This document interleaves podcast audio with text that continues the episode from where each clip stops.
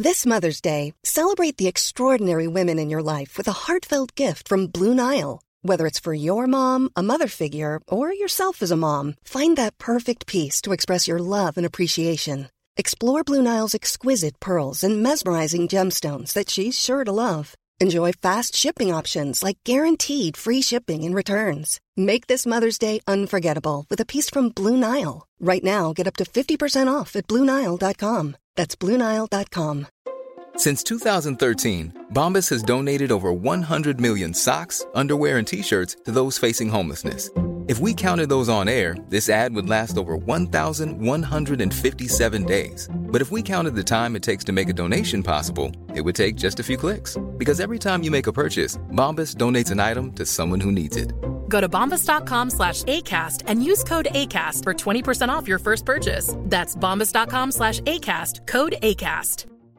Everyone knows therapy is great for solving problems, but getting therapy has its own problems too, like finding the right therapist, fitting into their schedule, and of course, the cost. Well, BetterHelp can solve those problems.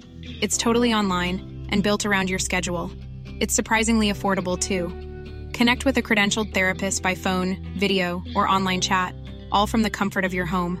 Visit betterhelp.com to learn more and save 10% on your first month. That's BetterHelp H E L P.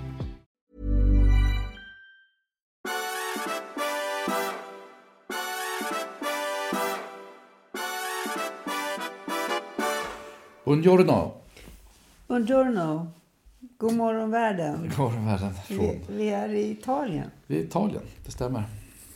I, I en underbar liten bergsby utanför Florens som heter San Pancrazio. Mm, det är korrekt. I ett icke mindre underbart hus. Mm. Palazzo Tigli. Mm. Det är dimmigt. Det är dimmigt, men vi har ätit en fin liten frukost på kantinettan. Ja. Och nu ska vi göra vår plikt. Nej, nu ska vi uh, avsluta året. Alltså det det känns som, en, eh, känns som en förmån. Det här är alltså Stora nyhetspodden. Eller vad heter det? Nyårspodden. Är det? Ja, just det. Ja, det måste Ja. det ju vara förstås. Men den är ju inte större än vanligt. Den är 20 minuter, eller hur? Vi håller inte på med sådana oändliga sändningar som andra människor gör. Nej, det gör vi inte. För Nej. vi har hört av våra lyssnare att de tycker att det är ett jättebra format. Vi ska vara korta och koncisa.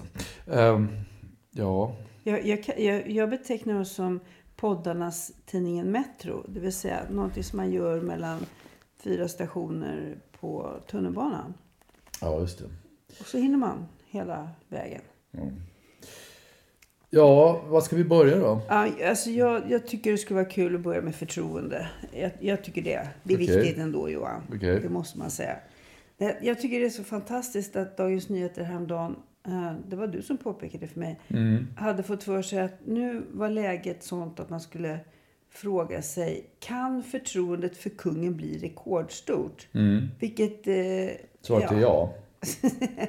ja, det är helt osannolikt. Men eh, de konstaterar då i den här texten att eh, den är publicerad på juldagen, ska vi säga också, som en försenad julklapp till kungafamiljen.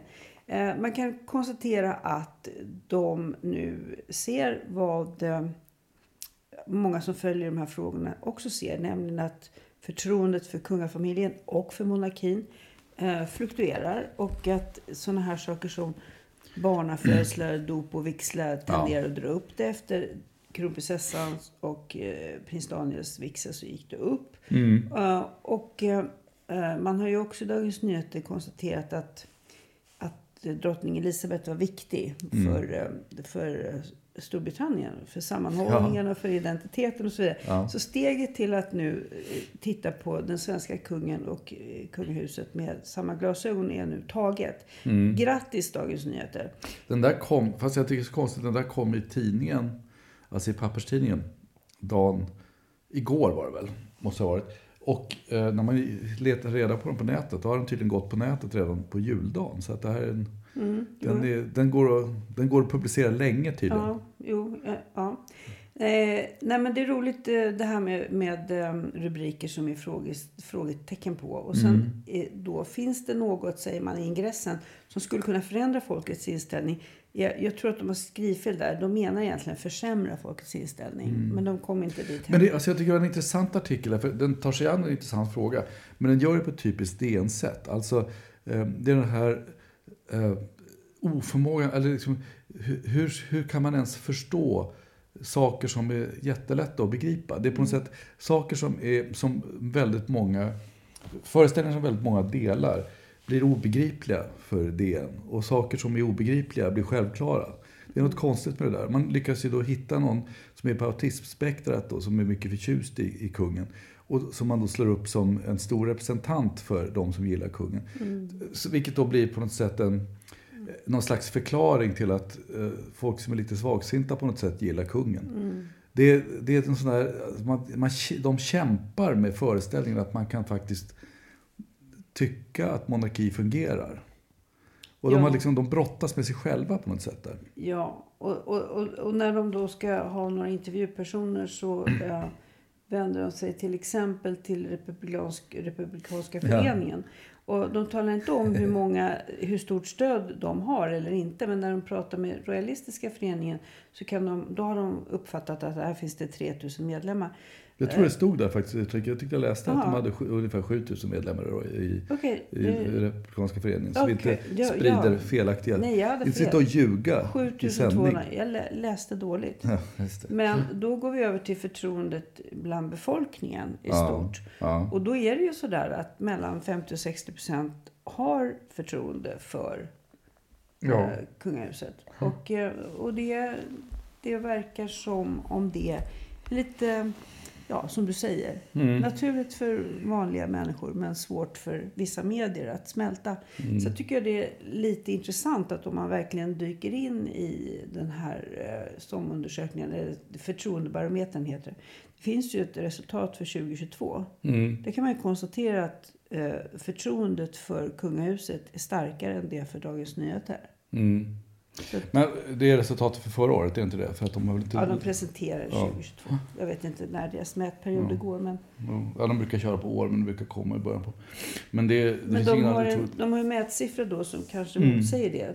Till exempel frågeställningen i det stora hela, vilket det kanske är, är än viktigare. Är Sverige på rätt eller fel väg? Mm. Så eh, 2018 så var det 49 procent som tyckte att Sverige var på Mm. fel väg. Mm. Och det var eh, 27 procent som tyckte att Sverige är på rätt väg. Så hoppar vi fram till 2022. Mm. Då säger 43 procent att Sverige är på rätt väg. Och eh, eh, då 32 procent säger att Sverige är på fel väg. Mm. Eh, så att det här finns ju, och då har man, då har man ju täckt in, som man skriver i alla fall i grafen, 20 och 22. Mm. Just det, okej. Så, eh, så att jag tycker det, det här är liksom säkert också en, en konstig situation för medierna. Att eh, det, det finns en sorts förtroende för att Sverige är på rätt väg nu. Eh, till skillnad från några år Fast det tillbaka. vet inte fan om det har hållit i sig nu sen regeringsskiftet. Det kan knappast vara mätt efter det. Jo. Men jag undrar. kan det ju vara. Ja, men jag tror knappast det. Men det spelar inte så stor roll. Det ska bli intressant att se de nya siffrorna då i sådana fall. För nu har det ju hänt väldigt mycket senaste året. Eh, Det här har ju varit ett ganska så... Ja, ett händelserikt år kan man lugnt säga. Eh, Men jag tänkte, jag tänkte faktiskt gå på någonting som är lite mera mindre men intressant. Hugo Lagercrantz skriver eh, i DN, om det var idag eller igår, eh, alltså hjärnforskare, läkare. Ja, barnläkare. Barnläkare. Ja, om man nu ska vara noga. Men det är en ganska kul rubrik. Eh, han, han, han skriver att eh, eh, Skolverket eh, verkar ha glömt bort eh, hjärnan när de eh, föreslår digitaliseringen av i skolan. Jag tycker det är ganska... Det, man, man studsar ju till när man ser om man kan hitta den här bara.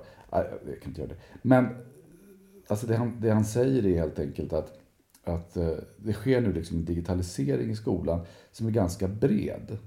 Eh, och den sker egentligen utan att man har något, något bra vetenskapligt stöd för att man ska bete sig, alltså att man ska göra såna, att det är vettigt att göra en sån här digitalisering av skolan. Mm. Och han pekar då på att det finns ganska mycket forskning på det här ändå. Och allt, all sån forskning pekar på att, eh, att det här inte är bra. Mm. Att, att, den, att eh, eftersom skärmar, alltså elskärmar om vi säger så, ger sån direkt belöning till, eh, mm. till hjärnan. Till hjärnan, till barnen va, när de använder dem. Så, så ratar man då andra saker. Eh, och det är ju liksom, eh, eh, ja, man riskerar, man leker här med ganska allvarliga saker som har att göra med inlärning och så vidare utan att egentligen veta vad man håller på med. Det, det är väl hans, hans eh, eh det, det, är väl liksom det korta, eh, den korta meningen av det han säger. Mm. Det, det som är då också ganska intressant det är ju att Regeringen har ju tydligen också uppfattat det här mm. och gick redan i oktober ut och sa att man vill satsa mer på läroböcker. Mm. Det vill säga inte läsa på platta. Nej. Och målet är en bok per elev och ämne. Ja, just det. Så att eh, eh, vi får väl se. Det kanske är så att det, det tryckta ordet har Eh, är på comeback. Men där är ju också, fast eh, alltså det som jag tycker är intressant med den där artikeln också är att han riktar sig inte till politikerna utan han riktar sig till, till eh, eh, byråkraterna. Och det här är sånt här, vi kommer att se mycket av sånt här under det närmsta året tror jag. Eh, inte bara närmsta året kanske, under kanske hela den här mandatperioden. Att det blir en konflikt mellan eh, ska säga, politiska målsättningar och eh, byråkratiska planer. Alltså det, det, det, där är någonting som har pågått ganska länge. Man ser att politiker har blivit mer och mer administratörer och byråkrater har blivit mer och mer politiker. Att de driver olika frågor och så vidare och har sina egna agendor. Om man nu får ett politiskt skifte som vi har fått nu, mm. där man får liksom en annan idé om hur man ska hur man ska sköta det här, eh, så kommer det uppstå liksom en konflikt mellan administration och politiker. Och det där är ju alltid väldigt komplicerat. Därför att man vill ju samtidigt undvika, man vill inte politisera byråkratin så att säga. Nej. Nu, nu har ju regeringen varit väldigt handfast och säger ja, att man ska lägga ja. 685 miljoner ja, kronor i eh, läromedel eh, till eh, statsbudgeten som ju nu är presenterad. Mm. Så att nu, nu, nu, kan man ju välja då och säga att vi vill inte ha de där pengarna. Jag tror inte det kommer att hända. Eh, även en byråkrat eh, blir uppmuntrad av en ökad budget. Ja. Man säger så. Men det är, intressant att, det är intressant att den här frågan kommer upp nu. Den kommer liksom upp, eh, den kommer liksom upp i eh, många olika fora kan man säga. Den, den är, den, det är många som, som har börjat prata om det här. Nej, det är faktiskt svenskarna skrev. Jag, jag hittar den här. Eh, Skolverket verkar ha glömt bort hjärnan i, mm. i rubriken. Det, han hade, det var igår, alltså dagen för nyårsafton. Eh, nej, jag tycker det är jätteintressant. Jag eh, läste en alldeles underbart liten romantisk artikel i New York Times alldeles nyligen om mm. ett gäng 14-åringar som är inne i New York som har fått en klar uppfattning om att det där med mobiler inte är mm. precis det bästa här i världen. Mm. Så de har lagt ner mobilanvändning och sen så träffas de på söndagarna ja. och sitter i olika parker och läser ur pappersböcker. Ja, fint. Och det tycker jag, där, där känner man så här, det här är avantgardet. När man slutar med läsplatta och börjar med pappersbok och det, läser för varandra. Det är som det här med vinylskivorna nu, liksom, att vill man få en vinylskiva pressad nu är det nästan omöjligt för att det är jättelånga köer. Det görs så mycket vinyl numera. Mm. Så att det, det kommer liksom tillbaka. Apropå vinyl så måste vi liksom, vi måste prata lite grann om Vivienne Westwood. When you're ready to pop the question, the last thing you want to do is second guess the ring. At BlueNile.com you can design a one-of-a-kind ring with the ease and convenience of shopping online. Choose your diamond and setting. When you find the one, you'll get it delivered right to your door. Go to Bluenile.com and use promo code LISTEN to get $50 off your purchase of $500 or more. That's code LISTEN at Bluenile.com for $50 off your purchase. Bluenile.com code LISTEN. Hi, I'm Daniel, founder of Pretty Litter. Cats and cat owners deserve better than any old fashioned litter. That's why I teamed up with scientists and veterinarians to create Pretty Litter. Its innovative crystal formula has superior odor control and weighs up to 80% less than clay litter. Pretty Litter even monitors health by changing colors to help detect early signs of potential illness. It's the world's smartest kitty litter. Go to prettylitter.com and use code ACAST for 20% off your first order and a free cat toy. Terms and conditions apply. See site for details. Ja. Ja, det måste vi göra. Det, det här har varit ett tufft år måste jag säga. I morse när jag vaknade så, så hade plingat i min telefon under natten och såg jag att eh, Barbara Waters eh, var, död också. Amerikanska journalistlegenden. Hon var väl 94 eller något sånt där. Så det var väl ingen, ingen överraskning så direkt. Men alltså det är många som har försvunnit nu. Och Vivienne Westwood tyckte jag var... Eh, det kändes rätt tufft. Ja, det gjorde det.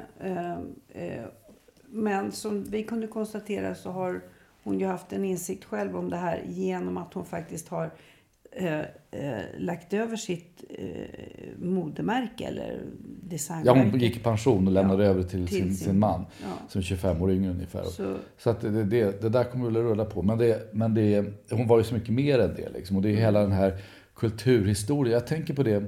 Drottning Elizabeth förstås. Vi hade Terry Hall som för mig var liksom en viktig person som, som dog här veckan. Eh, vi har haft, eh, jag hade till och med glömt bort William Hurt, du vet skådisen har gått bort. Gick ju bort i början av året.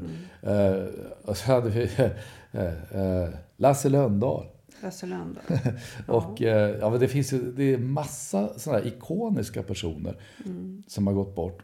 Och det, det säger väl liksom någonting om, om, sin, e- om, om ens egen ålder. Ja, det gör det.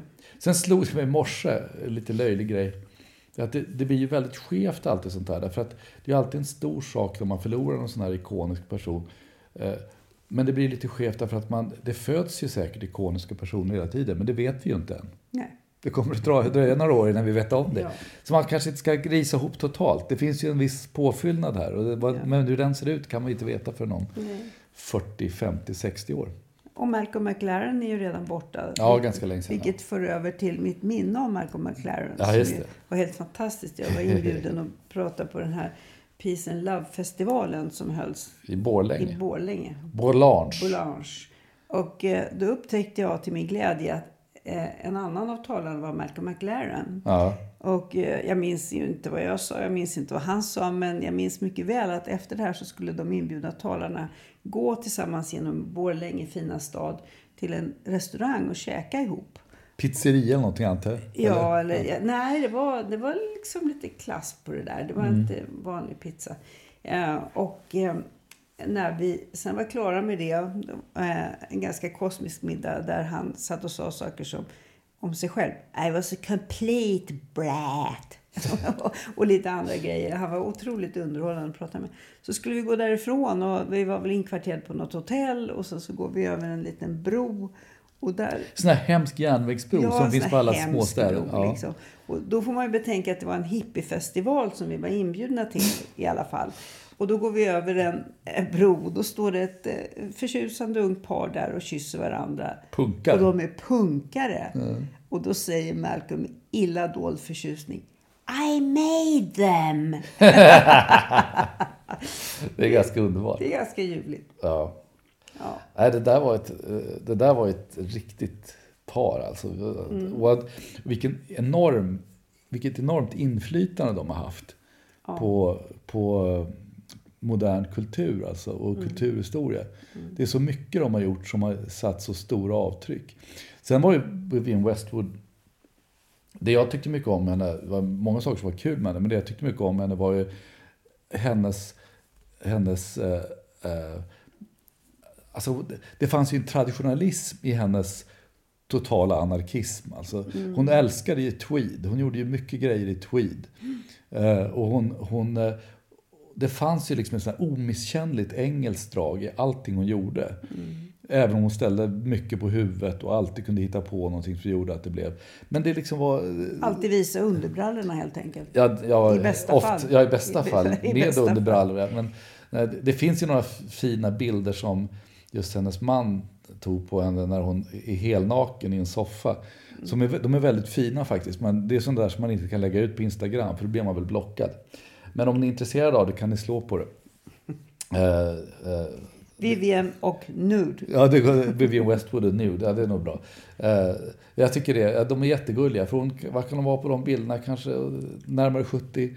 Eh, och liksom helt, eh, helt oblyg om vi säger så. Absolut. Jag tycker det är ganska gulligt. Nej men det var, det var, det var tråkigt. Och Avsluta året på det här sättet. ja, det känns lite, det börjar kännas lite tomt tycker jag. Liksom det, är- det, det är väldigt mycket, det började ju på något sätt med, med Bowie och Prince för några år sedan och sen så, så blir det bara, Jag, jag, jag är tvungen att säga det. Du måste vänja dig. ja jag antar det. Du förstår. Men det händer mycket roliga saker också. Mm. Jag tycker det är en väldigt kul bok som eh, jag har läst i år. Det är Mårten Andséns bok Mm. eh, om konstvärlden. Ja, och Lars Vilks det där. Och Lars Vilks, ja. Och han, han gör en så otroligt fin analys och så väldigt liksom eh, kondenserat. Eh, varför, han frågar sig allvarligt varför han själv då och eh, stora delar av konstvärlden aldrig accepterade Lars Vilks en, en värld nämligen som ju bygger på att man ska gilla provokation. Det vet ju Vivienne och Malcolm McLaren allting om. Men den svenska konstvärlden kunde inte stå ut med Lars Vilks provokationer och Moderna Museet har ju eh, vid flera tillfällen eh, eh, sagt ifrån att man inte tänker låta köpa in ro- rondellhunden. Men då säger han att det är så eh, fantastiskt eh, därför att ehm, man ska plötsligt denna värld där man vill ha högt i tak, just den föreställning som man har med sig själv, så, så funkar det inte därför att eh, plötsligt så ska konstvärlden vara politisk och ta ansvar på ett särskilt sätt. Och, det, det är ju, och det var det som Lars Vilks egentligen beskrev med Ro- Rondellhunden. Det var ett porträtt av den svenska konstvärlden. Ja. Inte av någon profet, utan helt enkelt av den värld som han var närmast. Och där, som inte släppte in den här provokationen, inte kunde uppfatta den som rimlig. Så att, och den boken eh, gav mig väldigt eh, liksom, hopp, hoppfulla känslor. Därför jag tycker att det Mårten Andrén gör en, eh, en självanalys. Varför var jag sån som jag var? Varför, ku- varför kritiserade jag honom? Eh, nu ser jag vad han gjorde. Så att, sådana saker händer ju också. Ja. Sånt där är alltid intressant. Det fanns ju några stycken, det fanns ett par stycken i varje fall, som skrev eh, intressanta texter efter att man har haft en diskussion om åsiktskorridoren. Där de sa att jag var del av åsiktskorridoren. Ja. Och det där är alltid intressant att läsa. Alltså inte för att det är, att, inte för att det är någon sån där skadeglädje eller vad var det vi sa eller sådär. Utan därför att det faktiskt är intressant. Man får, man får faktiskt en inblick i hur de där processerna fungerar. När en person själv har kommit fram till att det här var inget bra och kan beskriva hur processerna är. Det tycker jag alltid är intressant. Det var ju Ann-Charlotte Matteus som skrev Ja, det var det. I, Expressen. under den rubriken, ja. Ja, just det, precis. åsiktskorridoren, det var jag. Det var jag. Ja. Det var väldigt intressant att läsa tycker jag. Och, liksom, och det blir också intressant därför att det är, eh, det är ett inlägg i den där typen av debatt som blir... Det finns så mycket hetskhet i de där debatterna som liksom bara blir tråkig. Eh, och det där är ju, det, där är ju, den här typen av inlägg är ju mycket mer intressanta för de blir nyanserade och för vidare på något sätt tycker jag. Jag ska säga att Mårten Andréns bok heter Konsten är vi. Ja, just det. Vi har pratat om det flera gånger. Jag tror det är tredje gången vi pratar men, om det- Ja, men det här är sånt som, som Mm. är upplyftande tycker jag. Apropå upplyftande så var det en stor story i Svenskan igår eh, som, jag, som gladde mig mycket. Det handlade om sådana här gigasostron, alltså sådana stora eh, ostron som tar över västkusten. Och de har tydligen retat sig hela vägen ner förbi, eh, ja, ner i Bohuslän och sådär. Och är på väg ner mot Malmö och så. Och Men hur stora är de? Nej, de är inte så jättestora, men de är större Som än de andra. Och det, men det intressanta var att det var en ganska positiv artikel. De intervjuade en, en, en, eh, marinbiolog som håller på och pysslar med det där. Som säger att ja, det här är bra mat. Liksom. Okej. Det behöver inte, vara, behöver inte vara ett jättestort problem. Och det här kan liksom bli som lyxigare fiskpinnar om vi bara tar vara på det här. Och jag tyckte det var väldigt, det var väldigt positivt att läsa om. Det finns ju någonting konstigt med det. Jag förstår ju idén med invasiva arter och att det handlar om att oftast att människan plockar hit och ru- rubbar ekosystem och så vidare. Men det finns ju samtidigt en väldigt statisk idé bakom det här med invasiva arter. Varför idén att liksom ingenting i naturen ska förändras och att det finns ett naturligt ekosystem som aldrig ska rubbas och vidare. Så har väl naturen aldrig funkat? Jag tycker det är lite obegripligt. Då måste vi ändå säga att du, du har ju din, ditt favorithatobjekt. Vadå? Jättebjörnlokan. Ja, den, ja, den ja. Fast, invasiva jo, jo, fast det är ju en helt annan sak. Det handlar inte så mycket om, alltså jag är inte arg på den där för att den inte hör hemma. Jag är, jag är arg på den där för att den gör ju att man inte kan, man kan inte gå runt i naturen på ett vettigt sätt. Man kan inte utnyttja naturen. De, de, alltså, att man måste hålla efter ogräs, det är väl liksom inget konstigt. Men, men eh, jag är inte som det här, jag vet inte om du kommer ihåg den här gamla filmen. Eh, vad heter den? Eh, Sagolandet. Nej. Där, där, där ju, eh, eh, där ju ett, ett ganska långt avsnitt handlar om den här lite lätt knäppa farbrorn som, som eh, går runt. Det är ju där bland annat eh, eh, vad heter han, eh, Ingvar Carlsson intervjuas. Och, och det blir liksom en... Det blev ju då när det kom liksom en, en, en ganska så avancerad bild av Sverige. Men där finns det också den här mannen som, som, som vikt sitt liv åt att nu får vi meddelande här. Vikt sitt liv åt att eh, utrota jättebjörnlokan. Eh, var Jan Troell som gjorde den där. Den är Just värd det. att se igen faktiskt. Just det, den, nu kommer jag ihåg den. Hörru du, eh, Ja. en sak som vi kommer att missa, nu måste vi snart börja eh, sluta. Avrunda, Avrunda. Men en sak vi kommer att missa nu när vi är eh, i Italien. Mm. Eh, är ju Ivanhoe på nyårsdagen. Jaha, ja, och det, hur känns det? Alltså, jag brukar inte alltid titta på den, men jag läste någonstans nu att den har gått i 40 år. På nyårsdagen. Vilket är ju eh, en betydelse. Det började sändas i sådana fall när jag var 15. Och eh, eh, alltså, jag tycker ju det, det är ju sådär som är vissa grejer. Det är ju en kalkon. Och Anthony Andrews, alltså Anthony Andrews som spelar Ivanhoe, han har egentligen bara gjort en enda bra roll i hela sitt liv. Och det är ju Sebastian i, i Brideshead. Eh, där, som, där han faktiskt funkar väldigt bra. Men annars har jag faktiskt inte sett honom i någonting där han är riktigt trovärdig. Och han är rätt pappig i den här också. Eh, Men det är ju liksom, det är en tradition. Det är lite, det är lite kul ändå. Men missar vi Någonting som, vi, eh, någonting som vi missade igår därför att vi intog en underbar måltid Mm. på Palazzo Tigilo. Tigio. En avsmakningsmåltid som var Ja. helt ljuvlig. Det var ju faktiskt eh, den streamade premiären av filmen White Noise. Ja. Mm. Bygger på Don DeLillos bok från 84 med samma namn. Med Adam Driver i huvudrollen. Men jag tänker att vi tar, tillba- tar, tar igen det när vi kommer till, till Sverige. Ja, vi får nu göra ska vi tänka goda, hoppfulla tankar. Alltså? Ja, det är ju årets sista dag och Ja. Alltså de som inte vill göra det kan läsa min stora nyårsartikel i Fokus som jag tror ligger ute på webben nu. Den är inte därför att jätteoptimistisk. den handlar om... Ja, den handlar om eh, den handlar om året som har gått och stämningarna inför nyåret och så vidare. Kontentan är väl lite grann att vi börjar liksom, det här är ett Benjamin Button-år. Det, här nya året börjar som gammal och sliten och, och eh, du kommer ihåg den filmen med Brad Pitt. Absolut. Men man får ju hoppas att det är Benjamin Button-år. För det betyder att året kommer bara bli bättre och bättre ju längre det går. Yngre och snyggare och vackrare. Men det kan man ju inte garantera. Men eh, det är lite konstig början på året för det känns lite avslaget från början. Ja, men jag är inte lika pessig som du. Nej. Jag är Låt inte oss- pessimist, jag är realist som det brukar heta. Ja. Låt oss eh, Ska vi säga så alltså? sluta på den med ett rungande gott nytt år, älskling. Ja, ciao säger jag i varje fall. Och så får vi hoppas på det bästa. Va bene. Ja, eh, ja vi säger så. Vi gör det. Hej. Hej.